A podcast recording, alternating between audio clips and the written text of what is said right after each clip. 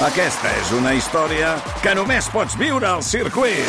24, 25 i 26 de maig. Gran premi Monster Energy de MotoGP al circuit de Barcelona, Catalunya. Compra ja les teves entrades a circuit.cat. Viu-ho!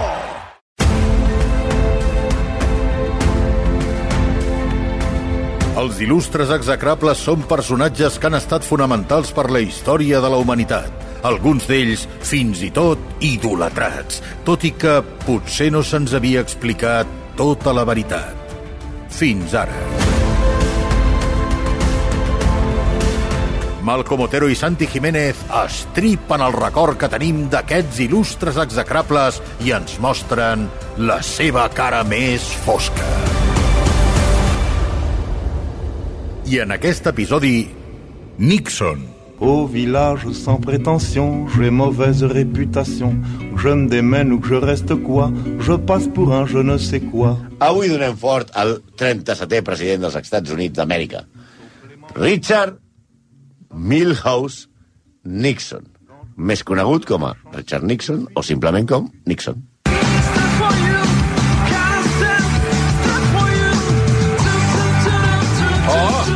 Ara no m'esperava, això. No.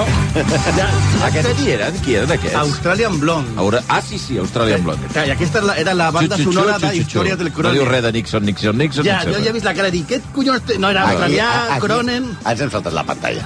Però, Ah, sí, heu posat la cançó que no, us no, gana, eh? el cantant d'Australian Blonde es Sí. diu Francisco Nixon. Va, Va, va, no, no, no, per Eh, favor. eh, agafeu més per la, per la punta, Eh, eh. ja. Va, home, va. De fet, Lamentable. posa, pensàvem posar totes les cançons de Francisco Nixon en la secció, Paco Nixon. però abans, un detall que us ha passat per alt. ¿Qué me dices de carapuño? ¿Carapuño? ¿Quién es Carapuño? ¿Por qué no quieres decirme quién es Carapuño? Te exijo que reveles la identidad de Carapuño. ¡Eres tú! Bueno, Nixon es deia Milhouse. Mira, quan ho he dit al Santi ho he pensat. Automàticament he pensat al Milhouse del perquè he fet, he fet una pausa i Sí, he sí, pronunciat sí, sí, sí. Mi, Richard Sí fort. Milhouse. Milhouse. com el nerd dels Simpsons. Ai, ai, ai, ai. Ja li treu tota la serietat a aquest geni del mal, la veritat. Que ja, ja no, en tota la secció no li direm De Nixon, només que, Milhouse. que, Milhouse. Que, que el tonto, que el tonto Què? del, del Simpson es digui Milhouse. Bueno. pues igual, igual... Tu creus que té a veure? Home, Sí? home aquí no, aquests, aquests no tiren puntada Oh. oh. sin hilo, que es diu. Hosti. Sí. Mira'ls, mira'ls. Ja ho van dir els Simpson. Sí, ja ho van dir els Simpson. A tot. Ja van dir el Simpson Tot i ho els execrables. Exacte. exacte. Bueno, doncs Milhouse, Milhouse va néixer a Yorba Linda. Avisem, eh, tota l'audiència, que si ara s'incorporen, cada cop que diguin Milhouse volen dir Richard Nixon. Vull dir que al final no ens Per nosaltres. Milhouse. Milhouse. Va néixer a Carapuño. Linda, que, que, que és un... Va, va, tira. que, que sembla, que sembla un, un lloc de mentida, no? El què? Yorba Linda. Tu ets de d'on? Yorba Linda Yorba Linda. ah, és el lloc on va néixer... Va néixer a Sí, Califòrnia. sí, sí, sí, sí. A Califòrnia, que, És un poblet de Califòrnia. Tenen la biblioteca i la seva casa natal. Sí, sí. Correus. que el primer president de Califòrnia, dels Estats Units, sigui Milhouse, i que hagin tingut també Arnold Schwarzenegger com a governador, i, I a Ronald Reagan. parla molt malament dels californians. En fi, allà neix Milhouse Nixon. Sí, sí. amb, amb una família quàquera. No una família qualquiera. No, pa, Qua- quàquera. Els quàquers. Què són els quàquers? Són protestants que se- se- se- s'anomenen amics i no roben cavalls. Aquests són els quàquers. Bueno, va, néixer, va néixer en la creença Aquest quàquera... acudit només li ha fet gràcia al Malcolm. És que és una vergonya. Va, va néixer en la creença quàquera de que l'alcohol, ballar i dir paraulotes era pecat. Hòstia, però Mantino... No. Però Mantino... Això, i espiar tampoc? No, no, no, no. Això de ballar- Que, que té? És molt bona persona. Com va dir, com va dir el Lluís Gar... bueno, igual. No diré. Va, va. Com, no, és molt bona persona. No pren alcohol. No, però, no, Sí, sí. no, però, Conec la majoria de bones persones que conec, beuen alcohol. però a més, podem entendre I això... ballen. Ai, ai, podem ai. entendre això, però no, però es pot entendre I diuen això. paraulotes. Però això de ballar sigui pecat, mira, això, mira, és raro, però... Home, Juan Mayo jo sí que és Però pecat. era, totalment, totalment, és pecat immortal. Però la resta és de bojos. Bueno, la qüestió és que el ranxo de la família es va arruïnar i es van, es van mudar a prop Així del... van robar els cavalls. els quatres, quatres versus quàqueros. s'arruïna i es muden a prop de Los Angeles, on a Milhouse li van detectar un atac al pulmó. I aleshores què, què van fer? Per, per pensant que era tuberculosi, perquè tenia un germà que després es va morir de tuberculosi. Li van prohibir fer esport. Cada Molt cop s'assembla més al Milhouse del Simpson. Després es va descobrir que això no era res, la- l'atac no era res. El nen no era Escolta, bon. estic buscant la informació i, efectivament, Matt Groening li va posar Milhouse, Milhouse per Nixon. Home, clar. Matt, gràcies. No m'ho per puc creure. Clar. No m'ho puc creure. Però Jo si no pensava que s'ho estava inventant, ara. Que no, home, no, però o sigui, el Simpson, el, el Matt Groening, aquest és un puto geni. Sí. Però no m'ho puc creure. Milhouse es diu Milhouse, Milhouse Nixon. es diu Milhouse pels Nixon. No m'ho puc creure. Clar. M'acaba de rebentar el cervell ara mateix. t'has donat compte que som un servei social? Oi, oi, oi, oi, som, oi, som, oi, som, oi. sí, Oi, oi, que oi, això oi. no només es Mira que m'ha passat vegades en els últims anys que us dic, va, això no sé què, i al final teniu raó. Clar. És increïble. I, bueno. M'agrada la teva falta de confiança en nosaltres. Aquestes després de alçades. anys, després de sis anys encara. Molt bé. Ai, ai, ai. Bueno, diguem-ne que a, ell en esports no era bo, perquè això d'atacar el pulmó li van prohibir fer esports, però era en els millors en el debat, cosa que es pot aplicar a la majoria de polítics. No parlarem de Chenique, no és bo en els esports, però és bo en el debat. Eh, és com, com a Miquel Iceta, no és bo en els esports, és bo en el debat, i és ministre d'esports. I vaya, que és pecat. I vaya, i vaya molt millor que jo, s'ha de dir. El nen va acabar el tercer... O sigui, ja saps que posen els números, això abans... a- Ara no es fa perquè a Quins les números? escoles a les escoles no es numeren els nens segons els seus mèrits. A veure, les notes? Ah, sí, és Ara el ja no de la notes. classe. Ara no, Ah, no, no. perquè ab- traumarem els nens, no sé què. Vull dir, no sé, merdes. ja no Ara és el primer que fa culles de macarrons... No, no, que jo no hi ha primers i últims. No, crec que no hi ha. abans hi havia, i és Sí. com havia de ser. Ell va acabar tercer del seu institut, va acabar sent el número 3 del seu institut, i se'n va anar a la universitat. Ell rebutja una beca de Harvard Carai. per ajudar a casa, perquè es va quedar a la universitat local. Però això està bé, eh? No, molt bé. Bueno, vull dir que és no. encomiable. Sí, sí, Milhouse ho va fer. Una bona decisió, Milhouse. Sí, sí. No el van acceptar a la, a la fraternitat. Això també és molt Milhouse. I va muntar una societat, la Orthogonarian Society. Ui. No sabem si algú s'hi va apuntar o era l'únic membre, que segurament seria molt Milhouse que fos l'únic membre. Va acabar, això sí, eh, amb cum laude la carrera, Sí. pels de l'ESO del cum no us confongui. Va. Ja no és una pestanya del YouPorn. No, prou, prou. Vale? Prou. Vale. Després se'n va anar a Duke, a la- a a l'escola de... a la Universitat de Duke, que té un gran equip de bàsquet, on ell no va participar, Sí. i va acabar una altra vegada tercer de la seva promoció. Milhouse era l'Atlético de Madrid. Sempre acabava tercer. Sí, ja, ja advocat, ja era advocat, es va enamorar de Thelma Pat Ryan. Coneguda com Pat Nixon, a partir d'ara Pat Milhouse. i que el va rebutjar diverses vegades, eh? que no, que no siguis passat, eh? però ja sortint, al final va aconseguir sortir, ell li va demanar matrimoni molts cops, ella el rebutjava i el rebutjava, però al final, crasso error, ho va, ella ho va aconseguir i va tenir dos filles. A la Segona Guerra Mundial, ell va entrar a la Marina i va tenir alguna medalla, encara que mai va entrar en combat i sempre va tenir tasques administratives. No sé si és la medalla a l'honor de, de taquígraf, la medalla a l'honor d'ordenar papers... De portar cafès. No ho sabem, però bueno, a l'exèrcit va fer amics... la cruz laureada de llevar cafés. A l'exèrcit va fer amics que el van finançar perquè fos congressista per Califòrnia. Corazón púrpura de hacer fotocopias. És que ara, ara estic veient eh, coses eh, estranyes a tot arreu. Com heu dit que es deia la... Pat. Telma Pat Ryan. Sí. És que hi havia dos personatges als Simpson que es deien Patty i Selma, Sí. que eren germanes. Sí, Eren germanes, eren- que fumaven no crec molt. que estigui... Que fumaven molt. No, no ho sé. No, no, no, aquesta no crec. D'acord, d'acord. Bueno, Però ell, de Milhouse segur. no, aleshores, ell va a la guerra i no fa res, però coneix gent important que l'ajuden a finançar uh, la, seva, la seva carrera de congressista per Califòrnia. Però ell, quan ja és congressista, volia més protagonisme i va fer una, es va convertir en una de les veus cantants del, no podia ser d'una altra manera, Comitè d'Activitats Antiamericanes.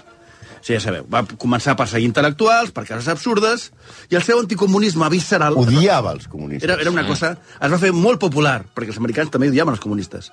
A més, a més de nombrosos textos sobre els perillosos comunistes d'Amèrica, amb el cas de Alger Hiss, que era un, un senyor que van condemnar per espionatge i per juri en un judici ple d'irregularitats, amb l'FBI amagant proves que. Bé, va ser un d'aquests escàndols que volien castigar algú i el van castigar.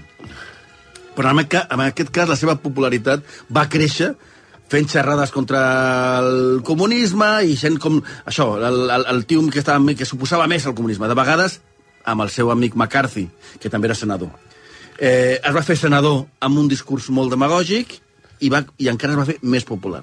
El flagell dels comunistes ja era una estrella emergent i Eisenhower el va incloure com a vicepresident Espera. al seu govern. Pels de l'ESO, Eisenhower era el president dels Estats Units. Sí. No, no, no, és que es pensa No, que ja, abans però- de Trump només hi havia oh, Clinton. Sí, no, és de, no. Eisenhower era president... Heroi de guerra. aleshores, aleshores Eisenhower es fa president. Però aleshores, en, aqu- en aquell moment, encara, que ara sí existeix, no existia la llei per la qual un vicepresident eh, actuava com a president si el president es posava malalt. Això encara no existia, no es feia d'aquesta manera. Però, en emmalaltir Eisenhower, Milhouse no va dubtar i no va perdre l'oportunitat i va dir «Eh, I'm the president!» Cosa que va enfadar tant Eisenhower que el va voler treure del tíquet per les següents eleccions.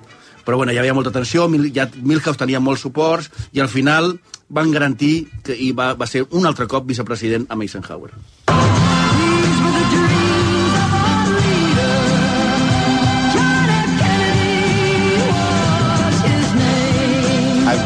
Val, va, eh, I és que ara hi ha tot d'oients que fan, eh, encara envien més coses sobre Milhouse. No, no Nixon, eh? El Milhouse del Simpson. Simpson. Diu, aneu a mirar, ens diuen diversos oients, el nom complet de Milhouse. Milhouse es diu Milhouse Mussolini Van Houten. I diu, bueno, Mussolini em sembla que és evident, Milhouse és de Nixon i eh, Van Houten ve del, de Charles Manson Sí. que es deia Leslie Van Houten. o sigui, atenció, No, el- Matt Groening, Matt Groening que va geni. situar de costat Charles Manson, Mussolini I Nixon. i Nixon. O sigui, al mateix nivell. Clar. Em sembla extraordinari. Pobre, pobre Manson. Sí, exacte.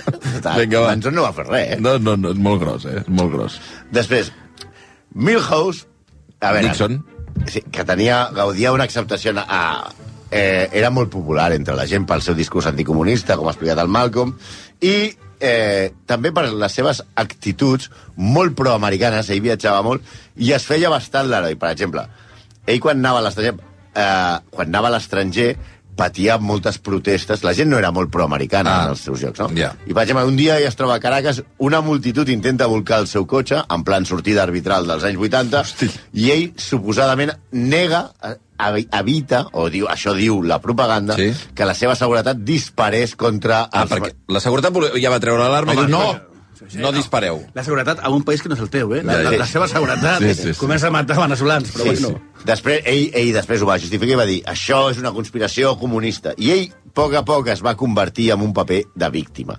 Allà on anava a l'estranger hi havia manifestacions en contra. Li va passar també a Montevideo. I ell sempre s'ho arreglava per sortir a la premsa com un heroi.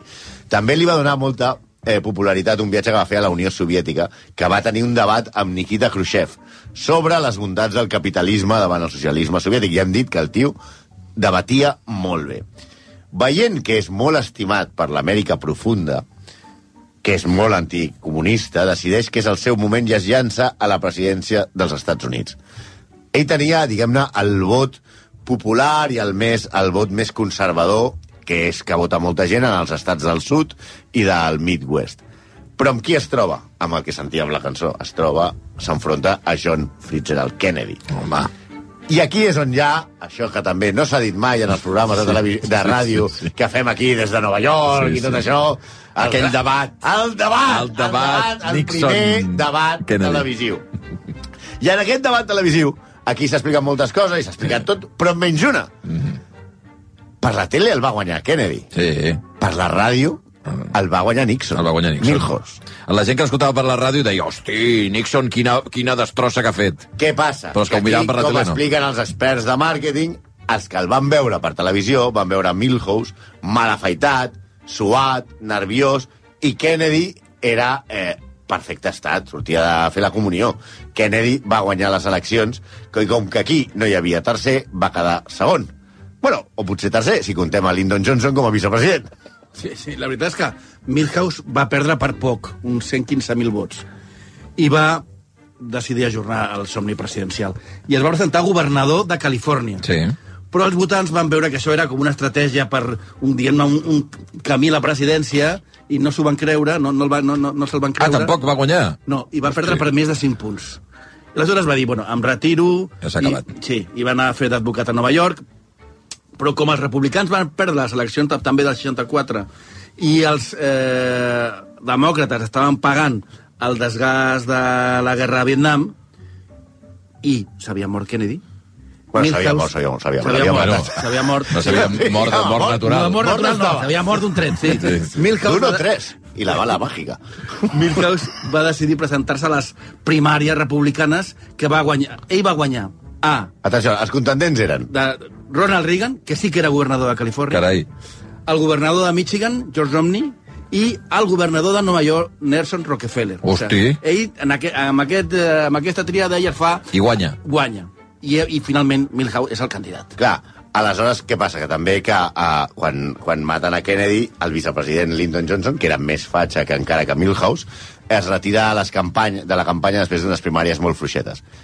A veure, en aquell moment, Milhouse Nixon es presentava com l'estabilitat, com l'home d'ordre davant d'una època que hem de contextualitzar als Estats Units. Els hippies, la contracultura, mm. la segona onada feminista, les manifestacions contra la guerra, Sí. els porros, l'LSD, eh, cremades de sostens... Sí, en això. Això escandalitzava molt el votant Republicà Conservador, clàssic. conservador. Ell parlava directament a la societat conservadora americana i va prometre una sortida honorable de la guerra, de la guerra de Vietnam. No va dir com aconseguiria aquest peace with honor que es referia, però els mitjans afins parlaven que Milhouse tenia un pla secret, Vaja, com la porta, mm. però que ell tenia, el que tenia eren males arts. una jugada mestra. Exacte. Un asadito i lo arreglamos. Els demòcrates vaig a fer un asadito amb Ho Chi Minh i això ho tenim arreglat. Els demòcrates tenien el que es diu un October Surprise, Ai, ai, ai. que és tornant a la porta com un Beckham en les primeres eleccions. Ah, un gir de guió, Allò, eh? un gir de guió. Era un anunci final que pogués fer canviar la campanya de per on anava. El seu as a la màniga era que Lyndon Johnson, que era el president que, que, Sortint, que, sí. sortint, pactaria la pau abandonant alguna de les condicions no negociables americanes just abans de les eleccions perquè tota aquesta joventut que estava en contra de la guerra del Vietnam es mobilitzés i pogués votar el Partit Demòcrata. Segons sembla, hi va haver molta controvèrsia. Milhouse, aleshores, comet un acte d'alta traïció al seu país Ah, sí? i convenç el Vietnam del Sud perquè no accepti el tracte de les converses de París Que no signi. que no signi Oi, la pau oi, oi. amb Lyndon Johnson, prometent-los que ell aconseguiria un tracte millor. És a dir, Milhouse es va jugar que morissin molts més americans, i ja no et dic vietnamites, a canvi de ser ell l'home que portés la pau. Oh, quina... Sí, Nixon Quin va fàstic. prometre, va prometre quatre punts eh, que feien referència a la guerra de Vietnam. 1. Retirada progressiva de les tropes. Moc.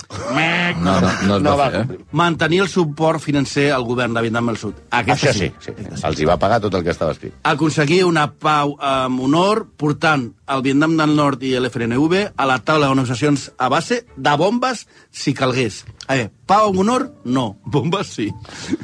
I aquesta és la, la més important, no estendre els bombardejos i les accions bèl·liques a cap altre país. Home. Aquest no es va... Aquest... No, Aquest, gaire. aquest, aquesta, aquesta, aquesta, en el fons, és la pitjor de totes, perquè aquesta és una, una, un acte de, de crim de guerra i crims contra la humanitat. Això de no involucrar cap altre país és quan eh, un president diu confirmem l'entrenador, no el fotrem Ah, sí, fora. sí, no, no. Eh, Era mentida total. Milhouse només guanya les eleccions, inicia una campanya de bombardejos secrets sobre el Laos i Cambodja, que eren teòricament països neutrals al conflicte de Vietnam. Amb el nom en codi de l'operació Menú, la força aèria va atacar els dos països amb el màxim secret, amb ordres de destruir qualsevol document sobre els atacs d'aquests països, repetim, neutrals. També va finançar un cop d'estat a Cambodja i el, el resum entre Laos i Cambodja atenció, es van llançar més bombes que en tota la Segona Guerra Mundial per qualsevol, sumant els dos bàndols. La guerra a Cambodja va deixar dos milions de morts. Cambodja, poc més gran que l'estat d'Oklahoma, va quedar completament destruïda. Maldita droga, Eh? Per què és això? Això que és la competència, ara? No, a veure, la guerra anava cada cop És, és pitjor. subtil, eh? És subtil. subtil el tema, eh? Puja't al micro, que no ens sentim bé. molt. Eh, La, la, la guerra anava cada cop eh, pitjor, però mm, la culpa no podia ser de l'administració dels Estats Units. Ja. La culpa és d'ells. Havia de ser, una, Exacte. havia de ser d'una altra cosa. La droga! La droga. La droga! Per què van perdre la guerra? Per què anava malament la guerra? Per la Per la droga. droga! Perquè els soldats es droguen, es foten droga en el colacao perquè són uns negres drogadictes. Aleshores, els soldats estaven caient per les drogues. I tot, què va fer? Van portar alguns congressistes i algun periodista, i alguns periodistes a veure un grup de soldats que efectivament estaven enganxats i I au, ja, ja, està. ja, està, ja tenien el, el discurs i aleshores s'inicia una guerra contra les drogues que dura fins avui i que es va con- con- contagiar a tothom i que tothom, tot el, tots els països del món van, van agafar. Hi ha més gent a la presó als Estats Units que a la Xina, la majoria per drogues, avui. I es va crear un dels lobbies més poderosos dels Estats Units, el lobby penitenciari, de les empreses que gestionen les presons del país, que són les que estan impedint ara totes aquestes mesures de legalitzar la marihuana i tal. La- L'oposició més forta és de les presons, del lobby de presons dels Estats Units. No dic que que no hi hagués soldats passats de tot. Això Home, segur. segur. Home, si estàs a la guerra... Però que la guerra... Però, però em temo, eh, que la guerra no es va perdre per això, eh? No. A més, eh, hi ha una cosa que és la política exterior dels Estats Units que sorprenia, perquè a, a alguns els recordarà la foto de Nixon amb Mao Zedong. Mm -hmm. Per què? A veure, en aquella època Mao, la Xina, pels de l'ESO, Mao era el president de la Xina. Sí, home, per I, favor. I la Unió Soviètica, que és el país que d'on ara és Putin, però que era més gran abans. Sí. No, jo estic intentant explicar-los perquè com en Picasso i en Sant-Exupéry no em van fer cas, a veure si ara ho entenen. A veure, no era gaire bona en aquells moments. I ell se'n va a, a Xina, no només hi accepta, i es fa una foto amb Mao Zedong visitant Pequín, accepta la República Popular de Xina, es fotografia amb Mao, i ell diu, en una reunió, que Taiwan és part de la Xina. Bueno, mira, avui també és notícia, això, eh? Sí, és que ho han Perquè han tot. enviat uns quants vaixells i uns quants avions. Quan dic uns quants, vull dir desenes, eh? Sí, home, no, són molts. O sigui, és que a Xina tot va molt més. Ara, ara. Aleshores va dir que, i a més a més, quan els Estats Units signa que es pot fer l'annexió de manera pacífica. Milhouse, en tot cas, si estigués viu, resoldria el cas d'Ucraïna i Rússia Uf. ràpid. Se'n va a Rússia, es fa una foto amb Putin i ja està. Ucraïna és de Rússia i tot tancat. Però el pitjor de la política exterior, bé, no és el pitjor, perquè els dos milions de morts de Cambodja són molt heavy. Encara ha d'arribar, i us ho explicarem ara. A las 12 y 3 minutos del día 2 de octubre de 1970, el presidente Nixon llegaba al aeropuerto de Barajas. Uy, el presidente y su esposa saludaron efusivamente desde la escalerilla del avión, al pie de la cual les esperaban sus excelencias el jefe del Estado y Hombre. doña Carmen Polo de Franco. Bueno, ja hi som. Això... ho Anàvem pos- fent-se fotos amb dictadors, no? Sí, Diguem, sí, ah, exacte. És que li agradaven molt. Paquito, l'àlbum- Pinochet... Ell tenia l'àlbum. Quan arribaves a casa seva tenia el del bateig dels nens, el de la boda i mis fotos con dictadores. Els cromos. Anava omplint I aquí l'àlbum. con Mao, aquí con Franco... Con Pinochet. S'ha de dir que en aquest, perquè he vist el, el vídeo sencer del Nodo, va parlant de las multitudes inmenses que alaban al caudillo viaje. No, sé, I no, hi havia quatre gats, amb la, la, el, la, la castellana, hi havia gent, però, però bueno, ni la, no, no era com una manifestació, deies, aquestes són les multitudes, bueno, en fi.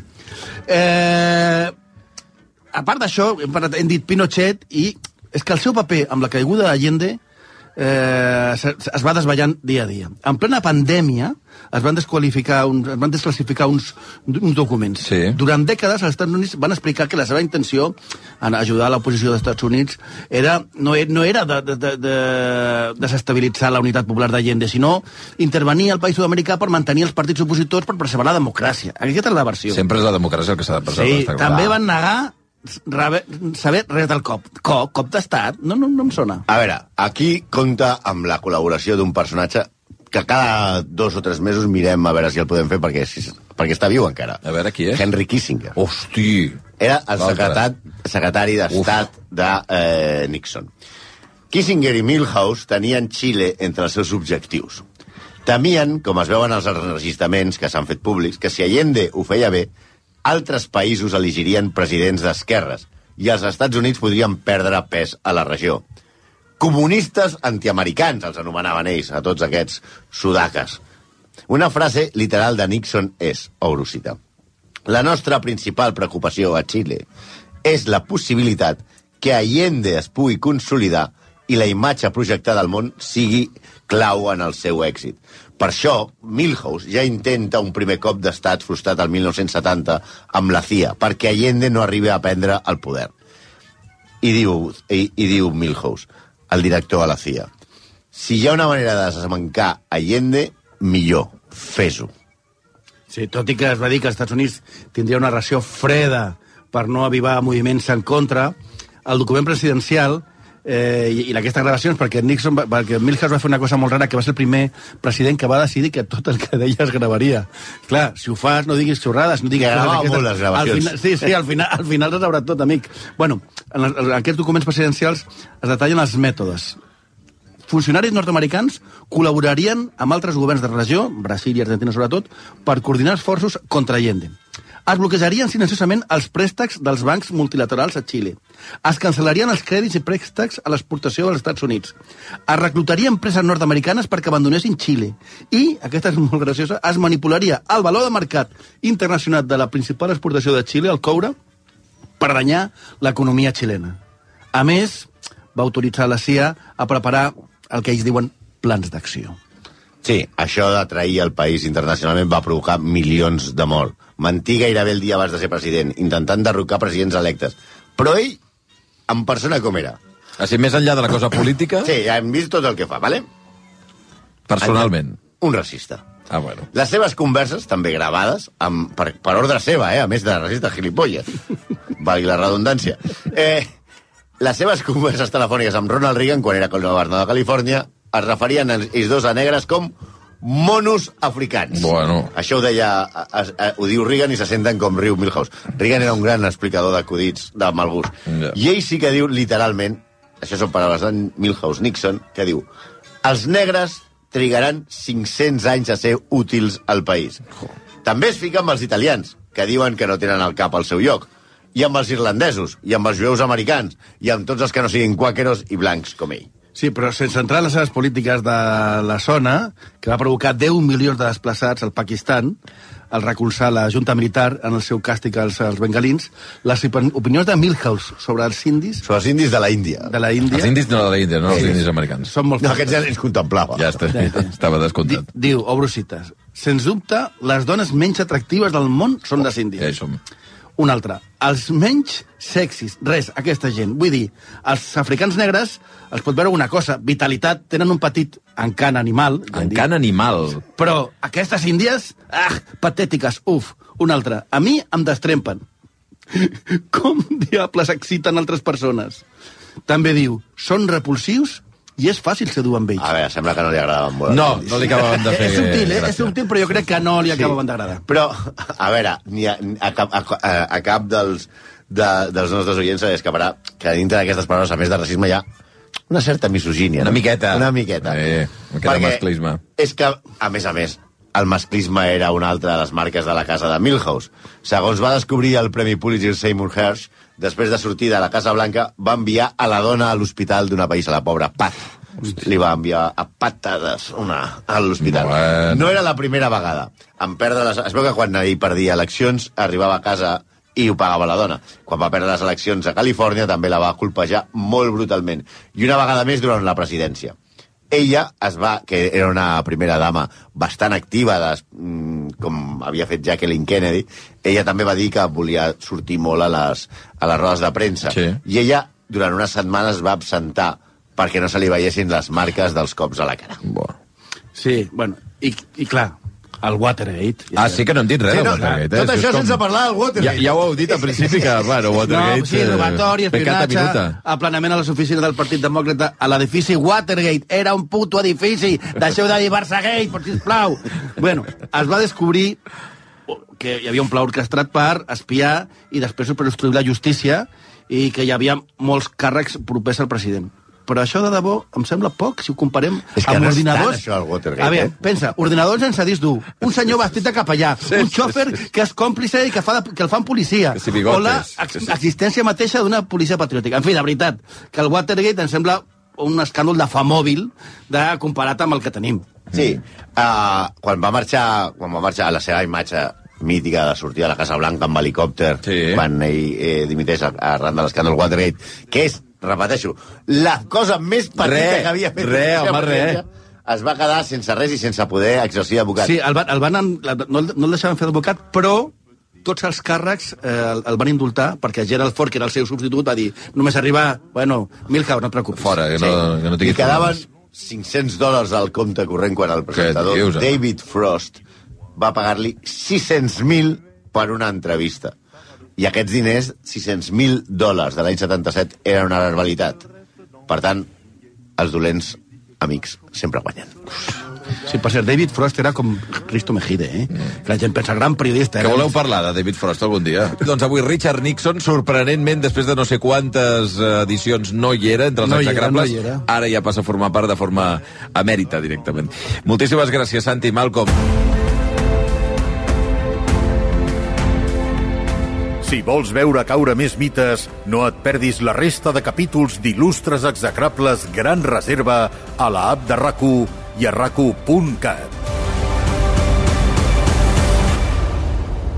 Il·lustres execrables és una secció habitual del programa Via Lliure amb Xavi Bundó.